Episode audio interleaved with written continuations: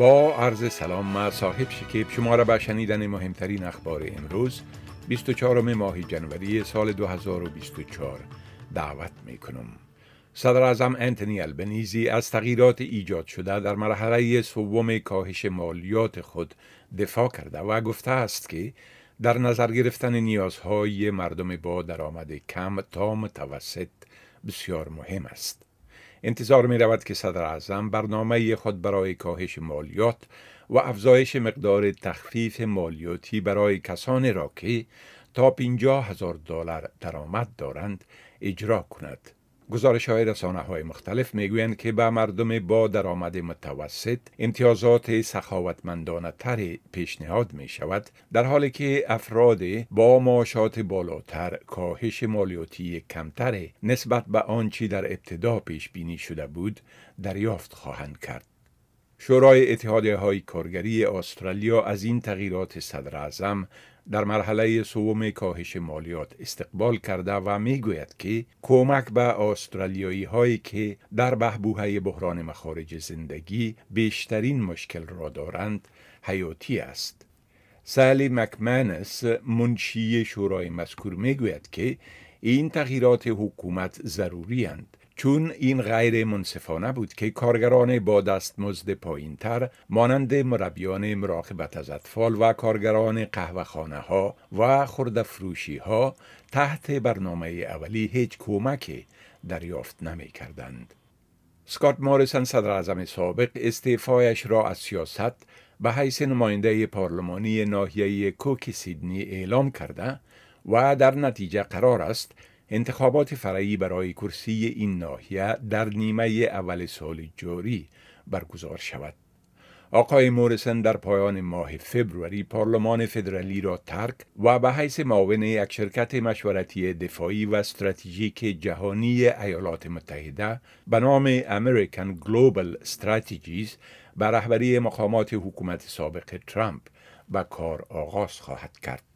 انتظار می نود که در انتخابات فرعی برای کرسی ناحیه کوک باز هم کاندیدی از حزب لیبرال برنده شود زیرا آقای مورسن در انتخابات گذشته این کرسی جنوبی سیدنی را با امتیاز 12 فیصدی آرا به دست آورد. زمیر کابلوف نماینده خاص رئیس جمهوری روسیه برای افغانستان در مصاحبه با آژانس خبررسانی تاس روسیه گفته که یک اجلاس به شرکت روسیه، چین، ایران و پاکستان در مورد تعامل با طالبان و ایجاد حکومت همشمول در افغانستان برگزار خواهد شد. با گفته آقای کابلوف در آجندای این اجلاس که قرار است تا پایان ماه جنوری برگزار شود مبارزه با تروریسم و جرایم مرتبط به مواد مخدر هم شاملند. در مورد این که نمایندگان حکومت طالبان هم در این نشست شرکت خواهند داشت یا نه چیزی گفته نشده است.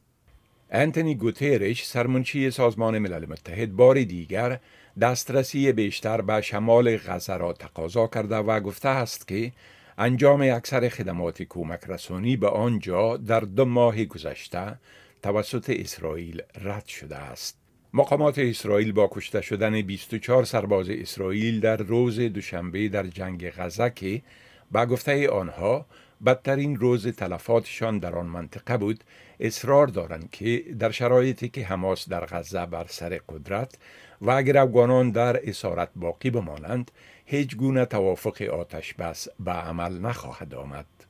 انتظار می رود که موج گرمای کنونی در بسیاری از مناطق استرالیا ادامه بیابد و سرد شدن هوا تا اواخر هفته پیش بینی نمی شود. موج از هوای گرم با حرارت بالاتر از 40 درجه که روز سهشنبه به اوج خود رسید در بعضی از مناطق استرالیا مستولی شده است.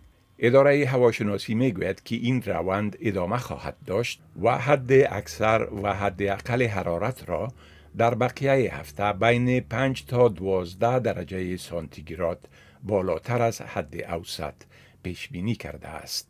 این بود خلاصه از مهمترین اخبار از برنامه دری اس آدیو. شما می توانید گزارش های بیشتر درباره موضوعات گوناگون را در وبسایت ما به آدرس sbs.com.au دری بشنوید و بخوانید.